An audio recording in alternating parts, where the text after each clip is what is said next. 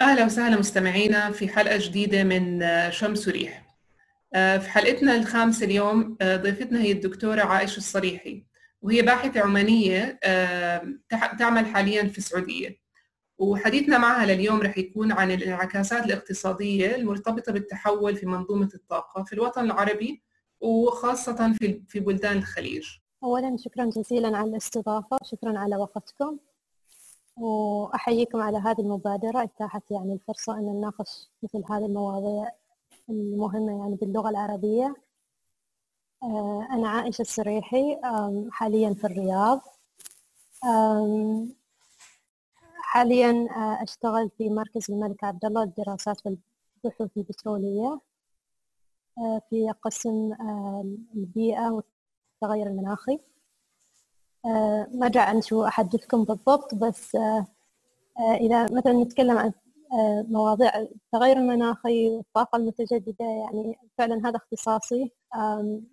خصوصا أنا بدأت في هذا المجال في مرحلة الدكتوراه. دراسة الدكتوراه تركزت على دراسة السياسات المتعلقة بالطاقات المتجددة في الدول الغنية بالنفط. وركزت على سلطنة عمان كحالة للدراسة يعني المنطلق يعني الدافع إني أدرس مواضيع الطاقة المتجددة يعني خصوصا قبل قبل الدكتوراه يعني قبل ما أبدأ هذا المشروع. يعني أنا لما كنت في في عمان في هذاك الوقت يعني نسمع عن الخلايا الشمسية ونسمع عن الطاقة المتجددة. أما في دول الخليج يعني يعني نادرا السنة الأولى اللي بدأت خصوصا فيها الدكتوراه يعني في دول الخليج يعني نادرا ما ما نشوف هذه الخلايا الشمسية. أو بس نشوفها في الدول مثلا الأوروبية أو في الدول الأمريكية يعني في أمريكا أقصد. نعم. آه بس في الخليج يعني كان يعني بالنسبة لي ليش إحنا عندنا الشمس هنا؟ طيب وفي عندنا رياح بس ليش هذه الأشياء ما موجودة؟ فهذا كان الدافع بالنسبة لي يعني إني أبدأ أدرس مواضيع الطاقة المتجددة. ثم توسعت يعني بعد بعد الدكتوراه يعني توسعت أكثر. يعني الطاقة المتجددة هو قد يكون يعني موضوع شوية نارو أو يعني شوية ضيق بس حبيت أتوسع أكثر آه، وأدرس في مواضيع التغير المناخي اللي هو موضوع أكثر شمول من الطاقة المتجددة. نعم. يا والتركيز يعني كان في يعني أنا أحب أدرس في عن دول الخليج لأني أنا من المنطقة. يعني تركيزي كان على دول الخليج أو توسعت شوية أكثر على المنطقة العربية. نعم.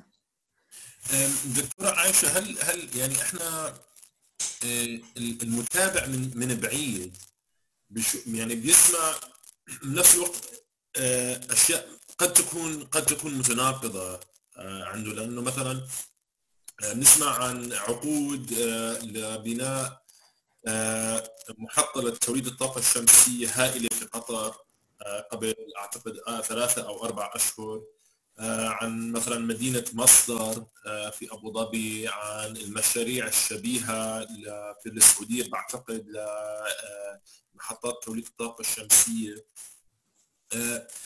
بالنسبة ل يعني هل هناك تناقض بأن تكون الدولة هي في آن دولة مصدرة للنفط ودولة آه، آه، منتجة للطاقة الشمسية؟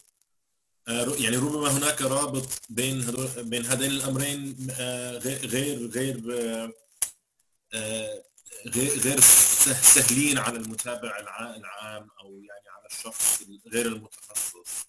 ممكن تصحح للمستمعين هاي هذا الرابط بين بين الأمرين. إيه طيب يعني يمكن في البدايات يعني مثلا آه، خمس إلى ثمان سنوات خلف يعني فعلا كان ينظر الموضوع على أنه موضوع آه، متناقض. آه، خصوصا في دول الخليج عندنا وفرة في في مصادر الوقود الأحفوري النفط والغاز. طيب ومثلا استخدام هذه المصادر يعني مصادر الطاقة في الكهرباء أو في الماء أو حتى في التنقل يعني ما يكلف يعني يعني تقريبا هذه توفر بدون تكلفة في منطقة الخليج. فكانت يعني الحاجة للطاقة المتجددة يعني غير موجودة يعني يعني ما كان هناك دافع لدول الخليج إنها تتبنى هذه الأمور لأنه النفط كان رخيص. صحيح. بس مع مرور الوقت ومع حدوث ذبذبات في أسعار النفط خصوصا بعد 2014 وأنا كتبت مقالة على هذا الموضوع يعني أصبح في دافع أصبح في ضغط آه، على آه، آه، دول الخليج على حكومات دول الخليج إنها تعيد النظر في مجال الطاقات البديله فالمشاريع اللي ذكرتها المشاريع الكبيرة مثل مصدر هذه كانت موجودة فعلا من قبل عام 2014 طيب بس كأنها كانت مشاريع تجرب تجريبية وكانت يعني فعلا بدايات يعني توحي إن الدول مهتمة إنها تنظر للمستقبل. بس بس اجين يعني ما كان في مثلا دافع قوي إن هل إن إحنا نستمر في هذا المجال أو لا. بس بعد 2014 بعد هبوط أسعار النفط وأصبحت يعني ميزانيات الدول تحت ضغط كبير أصبح يعني من الواجب على الحكومات إنهم ينظروا إلى تسويق توسع في المصادر البديلة للطاقة. فهذا أصلا يساعد يعني كدول مصدرة للبترول إذا هم يقدروا يعني يستخدموا آه، الطاقات البديلة في إنتاج الكهرباء أو المياه فبدل ما يحرقوا الوقود الأحفوري آه، محليا بإمكانهم يصدروا للخارج آه، ويستفيدوا منه. بس بس أنا عندي بعد تحفظ إن إن يعني أنا مش يعني 100% ايد إن إن إحنا نركز على تصدير الوقود الأحفوري للخارج. دول الخليج نحتاج آه، أيضا نفكر بأهمية التنويع الاقتصادي. وعدم الاعتماد الكلي. باهميه اهميه إيش؟ عفوا ما ما ما سمعناكي هون. التنويع الاقتصادي. التنويع الاقتصادي تماما وعدم الاعتماد الكلي يعني على مصادر البترول في رغم انه إنه هذا المصدر يعني آه، في في مقولة شهيرة باللغة الإنجليزية إنه if it ain't broke don't fix it. آه، والاعتماد على النفط فعلا وفر للمواطن الخليجي العادي نوع من الرفاه الاجتماعي غير متوافر بكثير من البلدان العربية وبكثير من العالم بشكل عام يعني. آه للي بيعرف الكويت مثلا بيعرف آه لأي درجة إنه الشخص الكويتي العادي عنده آه متوفره عنده الصحة والتعليم وحتى السفر للخارج. طيب. فبالتالي إنه إنه النفط مكن الشعوب الخليجية إنه آه، من من مستوى معيشي معين. أه. وساعد أيضا حتى يعني باستقرار دول عربية أخرى اللي كانت اللي استفادت من آه، الاستثمارات الخليجية أو على أو ربما حتى المساعدات الخليجية بلدان مثل مصر والأردن وسوريا وكذا. صحيح. ف عندي تعليق يعني على هذا الموضوع. يعني أنا أنا أنا بالنسبة لي يعني أنا مش ضد يعني اللي معروف عن دول الخليج يعني تقريبا عالميا إن دول الخليج عندهم مصادر بترول كثيرة وعندهم رفاهية كبيرة وفي المقابل عندهم استهلاك كبير للكهرباء والمياه واستنزاف المواد. هذا قد يكون مؤشر مهم. آه يعني آه معلش أنا قطعتك شوي بس عشان المستمعين لأنه لأنه استهلاك الكهرباء مؤشر مهم لقياس مدى الرفاهية الشخص يمكن يقول أن مثلا المواطن الهولندي يعيش يعيش بشكل أفضل من المواطن بالهند على سبيل المثال لأنه بهولندا يستهلك الشخص مثلا خمس أضعاف ما يستهلكه الشخص حتى في المدن الهندية الكبيرة من الكهرباء مثلا. صحيح. يعني هو فعلا يعني مثلا على مستوى العالم يعني كان في تركيز على دول الخليج بس مثلا في أمريكا أيضا الاستهلاك الفرد الواحد من الكهرباء والماء يعني بعد كبير. فأنا مش ضد أن الإنسان يعيش في رفاهية إذا كان في إمكان الدولة أن تعيش هذا الإنسان في رفاهية. ولكن يعني التحفظ اللي عندي أن إحنا نفكر هل هذا ال lifestyle أو ما أعرف شو نسميه بالعربي يعني المستوى المعيشي مثلا أو إيه. هل هو مستدام على المدى البعيد؟ هل هو يخدم هذه الأفراد نفسهم على على مدى 20 سنة 30 سنة قادمة أو هل هو يخدم الأجيال القادمة؟ إذا كان لا يعني فإحنا يعني يحتاج إن نعيد النظر من من الحين دكتورة يعني بنرجع ل إيش حضرتك حكيتي عن يعني ال lifestyle أو المستوى المعيشي هل بت هل سلوكيات الأفراد ممكن تتغير برأيك إذا يعني تحول لل يعني توجهنا أكثر للطاقة المتجددة خصوصا بدول الخليج؟ أعتقد أن في دول الخليج سلوكيات الأفراد من ناحية الاستهلاك إذا كان هذا هو السؤال. نعم نعم. أعتقد أنه صار اوريدي يعني في صار تحول في سلوكيات الأفراد خصوصا يعني بعد عام 2014 بعد ما هبطت أسعار البترول بعد ما صار ضغط على ميزانيات الدول هنا فصار في آه، يعني إعادة نظر آه، في سياسات الطاقة آه، في دول الخليج. ومن من خلال هذا يعني صار آه، في يعني رفع لأسعار الوقود رفع لأسعار الكهرباء رفع لأسعار المياه. فالمواطن الخليجي يعني يعني بدأ يحس آه، آه، بتكلفة هذه الموارد. يعني قبل كان إنسان مثلا أي شخص مثلا يستخدم السيارة ما يفكر يعني أنا كم مرة راح أطلع بالسيارة اليوم؟ طول المشوار اليوم اللي راح أطلع فيه. آه، بس بعد تغير في الأسعار هذا اللي حصل مؤخرا في الإمارات في عمان في في السعودية أصبح المواطن يعني يفكر يعني قبل ما يطلع يعني بالسيارة يعني. ف... ف... فالتحول موجود يعني. المواطن الخليجي بدأ يشعر بالمسؤولية آه، الطاقة المتجددة يعني أتوقع أن لما نستخدم الطاقة المتجددة مع أن الأسعار الحين انخفضت كثير يعني الطاقة المتجددة الحين منافسة لمصادر الطاقة اللي تجي من الوقود الأحفوري.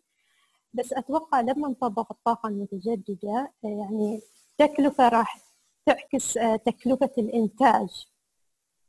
يعني بعكس الوقود الأحفوري. فأنا ما أتوقع مثلا الدول هنا آه، راح تعمل آه، دعم للطاقة يعني زيادة مستقبلا. لأنه وش اللي صار بعد 2014 وعادة النظر في سياسات الطاقة هو رفع يعني تم عملية رفع الدعم عن آه، عن مصادر الطاقة.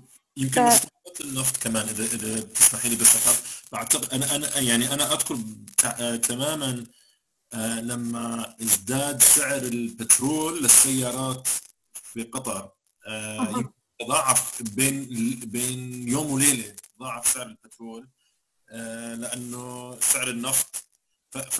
فهنا كانت مفارقة كبيرة. إذا ممكن دكتوره عاش بس شوية تفسريها يمكن للمستمعين.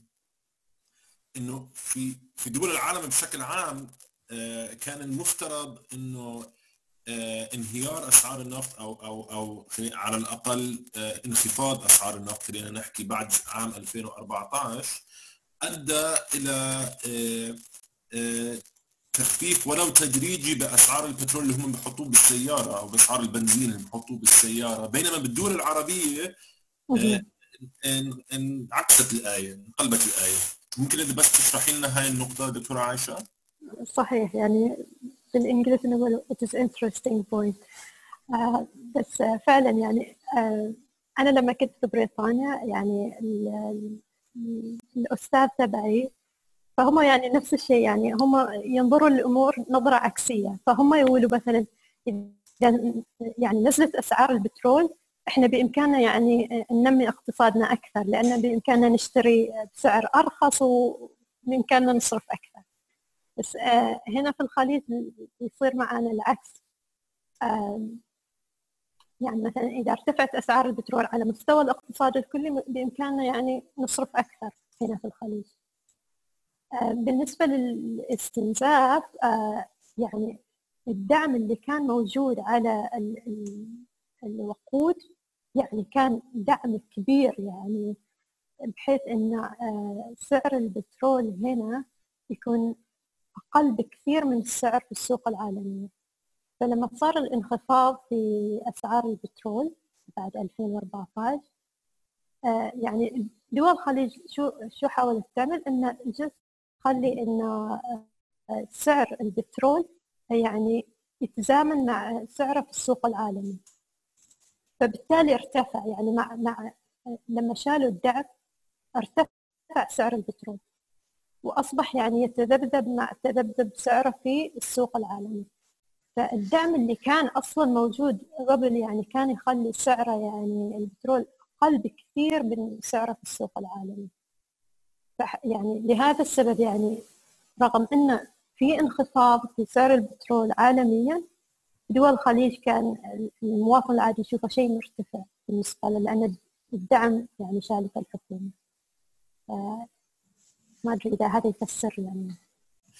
يا هذا هو يعني تماما التفسير بعتقد دكتور عايش بعتقد إنه خلينا يعني في في هاي السلسلة من من البودكاست حكينا مع كذا شخص من بلدان عربية مختلفة حول تحول الطاقة ويمكن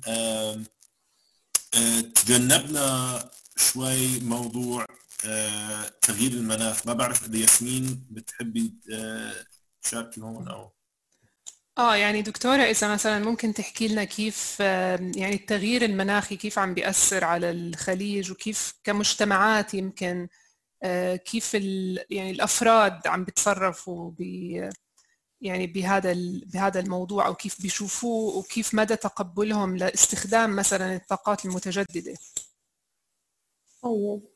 يعني التغير المناخي فعلا يعني تأثيره يعني يمكن تأثيره كبير على دول الخليج بس إحنا ما نتكلم عنه كثير.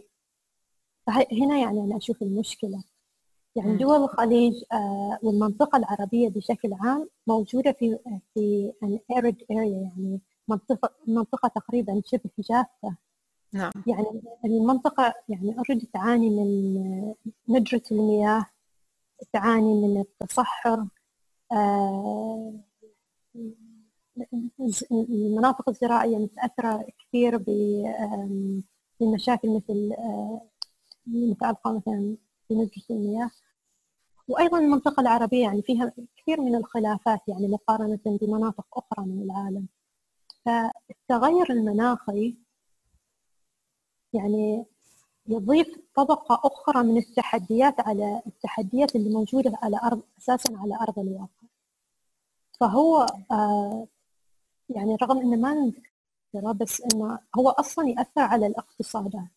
يأثر على القطاعات الاقتصادية الغير نفطية اللي هي مثل الزراعة مثل قطاع الأسماك مثل قطاع السياحة مثل قطاع البنية التحتية فهي كل هذه القطاعات تتأثر أساسا بالتغير المناخي نعم. فوق ذلك يعني الدول المعتمدة على النفط يعني القطاع النفطي يعني إحنا كباحثين في مجال التغير المناخي يعني لما ننظر على بعيد نشوف إن التغير المناخي راح يأثر على الدول المصدرة للنفط كيف لأن في الحين يعني توجه عالمي يعني في السنوات خصوصا في السنوات الأخيرة وخصوصا بعد يعني دخول اتفاقيات باريس للتغير المناخي حيز التنفيذ وخصوصا بعد وجود هذه يعني الموجات الضغط الضغط الشعبي من الدول الغربية خصوصا. الضغط على الحكومات إنهم يتخذوا إجراءات انه يحدوا من التغير المناخي. فكل هذا يعني يدفع بالدول إنها تتوسع في الاستثمارات في الطاقات البديلة في كفاءة الطاقة في استخدام السيارات الكهربائية. التوسع في هذا المجال يعني على المستوى البعيد. يمكن الحين الأثر مش واضح مش ظاهر. بس على المدى البعيد لو تخيلنا أن معظم دول العالم بدأت يعني تتوسع في الطاقة المتجددة والسيارات الكهربائية أصبح عندها اكتفاء ذاتي من, من, من هذه الناحية. فالطلب على النفط راح يقل بهذه الطريقة. وبالتالي يعني يعني الدول المصدرة للنفط يعني يجب إنها تعيد النظر يعني أو تفكر على المستقبل إن إحنا هل إحنا جاهزين لمستقبل مثل هذا؟ يعني. وفي الحقيقة يعني بما أن إحنا اليوم نتكلم وكلامنا يتزامن مع الكوفيد 19 كورونا آه، فيروس يعني أنا بالنسبة لي يعني الوضع اللي صاير الحين يعني الحين الطلب على النفط يعني مرة منخفض. واليوم يعني آه، أول ما قمنا الصبح أول خبر إن أسعار النفط بالسالب هذا شيء تاريخي يعني جدا. فهذه يعني هذه الأشياء إحنا أصلا ابدا ما نتخيلها. ما حد يعني يتخيل مثل هذه الأمور صحيح؟ أكيد. ف... فإحنا يعني لم إحنا باحثين في التغير المناخي لما نفكر شيء بعيد المدى الناس حاليا يعني يمكن ما حد يصدقنا. يعني أنا هذه نظرتي آه بس أيضا الأشياء اللي تصير اليوم ما حد كان يتخيلها. فإحنا يعني الدول لما تكون عندها جاهزية من الآن هذا أفضل بكثير يعني من إن ما نكون جاهزين ونتفاجئ كذا فجأة. ف... أكيد. طيب دكتورة آه، يعني يعني هيك بنشوف إنه في وعي على مستوى الحكومات صح؟ بس هل في وعي شعبي كمان؟ يعني زي ما قلتي إنه مثلا بدول برا إنه يعني في حركات شعبية بتأثر على الحكومات إنها يعني تعمل شيء باتجاه موضوع التغير المناخي بس هل هذا الوعي موجود كمان في يعني في الوطن العربي وفي دول الخليج برأيك؟ أتوقع أنه يعني من ناحية يعني آه، وسائل الإعلام آه، يعني من السوشيال ميديا الحين يعني الناس أصبحت يعني صار عندها وعي بمثل هذه الأمور بس هل إن مثلا هنا يعني هم يعني هل مثلا الشعوب تعمل ضغط على الحكومات؟ يعني إحنا بعدنا ما وصلنا لهذه الدرجة بس آه اللي أنا أشوفه هنا يعني في دولنا في دول الخليج الوعي أيضا يعني آه مسؤولية نشر الوعي تجي من الحكومة. نعم. آه فالحكومات تلعب فعلا دور هنا في الخليج. فمثلا لما يعني عملوا تغيير على أسعار الطاقة بعد 2014 طبعا هم يعني ما عملوا هذا فجأة لأن يعني الشعب راح يتفاجأ أن ارتفعت الأسعار وكذا. ففي كثير من الدول مثل الإمارات آه، طبعا عمان أيضا. يعني آه، الحكومات لعبت دور أنها توعي المواطن أن هذا يعني مهم لكم آه، ولاقتصاد الدولة. فإعطاء هذا النوع من الصورة كان مهم. بالنسبة للطاقات البديلة والتغير المناخي أنا أشوف أن في تحرك أيضا آه، على مستوى الحكومات هنا انه في إدخال هذه المواضيع في المناهج آه، الدراسية نعم. على مستوى آه، المدارس وعلى مستوى الجامعات. بس يعني من وجهة نظري إن نحتاج يعني نعطي الموضوع يعني انتباه أكثر. طيب دكتورة هلأ قلت زي ما تفضلتي إنه في يعني هلأ تفاجأنا بأسعار النفط عم تنزل مع مع الكورونا وهو أصلا موضوع الكورونا كله كان مفاجأة. هل في يعني يمكن ما ما في سياسات كافية بالخليج لسه أو في يعني الوطن العربي للتوجه للطاقة البديلة بس هلأ في في شيء يعني موجود عم بينعمل على أرض الواقع بهذا الموضوع؟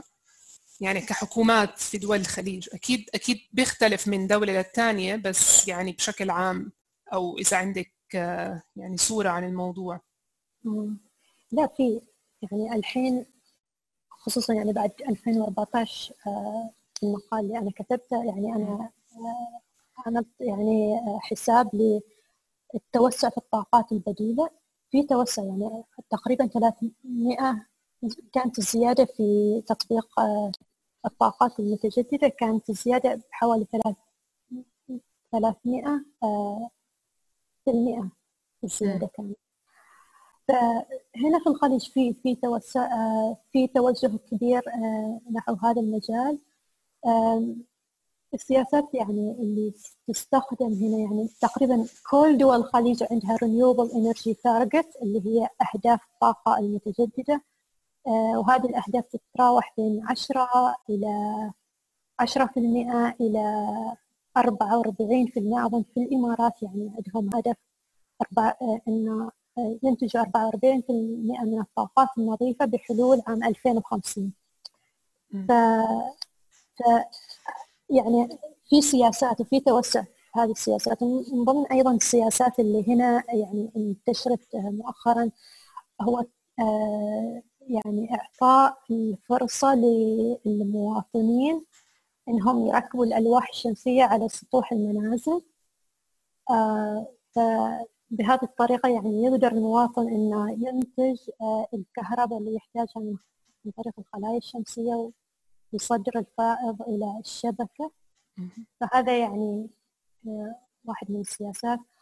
وأيضا في آه، عفوا بس دكتورة عائشة هذه هذه السياسة المتبعة في في أي بلد حاليا اللي هي ال distributed generation أو؟ آه، أنا شفت في دبي هذا موجود في دبي في عمان. في عمان أيضا. وفي الناقشه لا في السعودية أظن.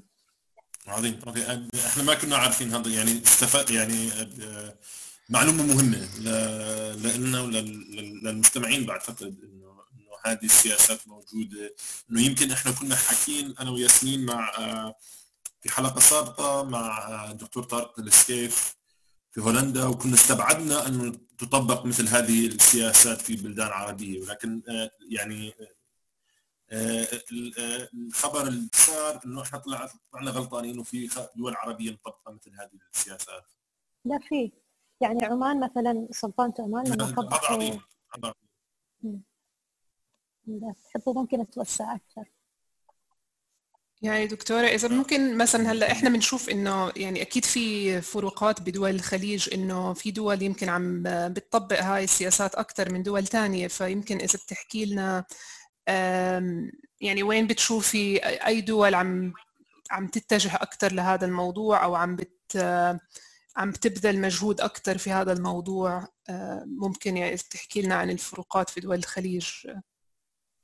طيب هذا سؤال جميل. فعلا يعني في فروق فروقات بين دول الخليج في كمية وفي سرعة التوجه للطاقات البديلة. ومؤخرا يعني آه، أنا ودكتور مارتن نيلسون يعني من London School of يعني كتبنا مقال آه، مؤخرا نظرنا إلى يعني سرعة التطبيق والتوسع في استخدام سياسات الطاقة المتجددة أو سياسات آه، تغير المناخ في الدول. فوجدنا أن الاختلاف بين الدول من ناحية آه، الثروات آه، ومن ناحية الجاهزية آه، السياسية. فلاحظنا أن الدول كل ما زادت الثروات عندها أو كل ما زادت المادة عندها وأيضا كل ما كان هناك استعداد سياسي واضح كل ما زاد سرعتها في تطبيق الطاقات المتجددة أو التوسع في سياسات التغير المناخي والعكس. وأيضا آه، أيضا يوجد مثلا إذا في دول عندها مثلا المادة عالية طيب بس الاستعداد السياسي قليل وأيضا الموارد جاهزية الموارد البشرية آه، قليلة آه، فالتوسع فيها يكون ضعيف. فمثلا يعني دولة الإمارات يعني من أكثر الدول توسعا في تطبيق الطاقة المتجددة بسبب يعني توفر المادة وتوفر أو الاستعداد السياسي وأيضا سرعة تطوير الموارد البشرية المطلوبة. لأن يعني مثلا في تطبيق الطاقات المتجددة خصوصا أن دول الخليج دول مستوردة للتكنولوجيا وليست يعني يعني منتجة لهذا النوع من التكنولوجيا فهي تحتاج أنها تتعامل مع المستثمر الأجنبي. والتعامل مع المستثمر الأجنبي بشكل عام يعني يحتاج آه، إلى موارد بشرية يعني عندها القدرة على جذب الاستثمار الخارجي. تقريبا سألنا كل الأسئلة وتطرقنا لأغلب المواضيع الموجودة كانت. بس ما بعرف إذا بتحبي تضيفي أي شيء أو في موضوع بتحبي تحكي عنه أو نقطة يعني. هي أريد أقول بما أن إحنا يعني نعيش الحين في فترة الكوفيد 19 وهذه الفترة يعني الحكومات يعني صار عندها ضغط على الاقتصاد. وأصبحت الحكومات مضطرة إنها تعمل هذه stimulus measures what do we call them in Arabic؟ يعني حوافز بعتقد آه، إجراءات تحفيزية خلينا نحكي. هي إجراءات تحفيزية يعني ل آه، يعني تحفيز الاقتصاد. فأنا آه، أريد أقول إنه هي دي فرصة إن إحنا ما ننسى مواضيع الاستثمار في الطاقات البديلة. وفرصة إنه يعني نفكر على المستوى البعيد ونفكر إنه كيف إن التغير المناخي إيه، يعني تأثير التغير المناخي يجب أن ناخذه في الحسبان في تطوير مشاريع طويلة المدى علشان ما ينتهي بنا المطاف أن نستثمر في أشياء وتكون الفائدة يعني موجودة على المدى القصير. بس على المدى البعيد بيحتاج أن مثلا آه، ممكن يعني نشوف إن بعض الاستثمارات قد تكون فاشلة فنحتاج إن نصرف فيها مرة أخرى يعني أو نعيد النظر فيها. نعم. شكرا دكتورة أكيد هاي نصيحة مهمة خصوصا بهذا الوقت اللي إحنا عم نمر فيه يعني دكتورة عايشة أنا بس بحب إنه إنه إنه أشكرك آه يعني عني وعن ياسمين وعن المستمعين تبعونا أه بعتقد الجميع اللي استمع لهذه الحلقة استفاد جدا أه خاصة من من أه من وجهة نظر المجتمعات الخليجية أو أو أو يعني حول آه، قدرة الدول العربية المصدرة للنفط إنها تستوعب آه، الارتجاجات القادمة. ونتمنى الخير للجميع. وشكرا شكرا لك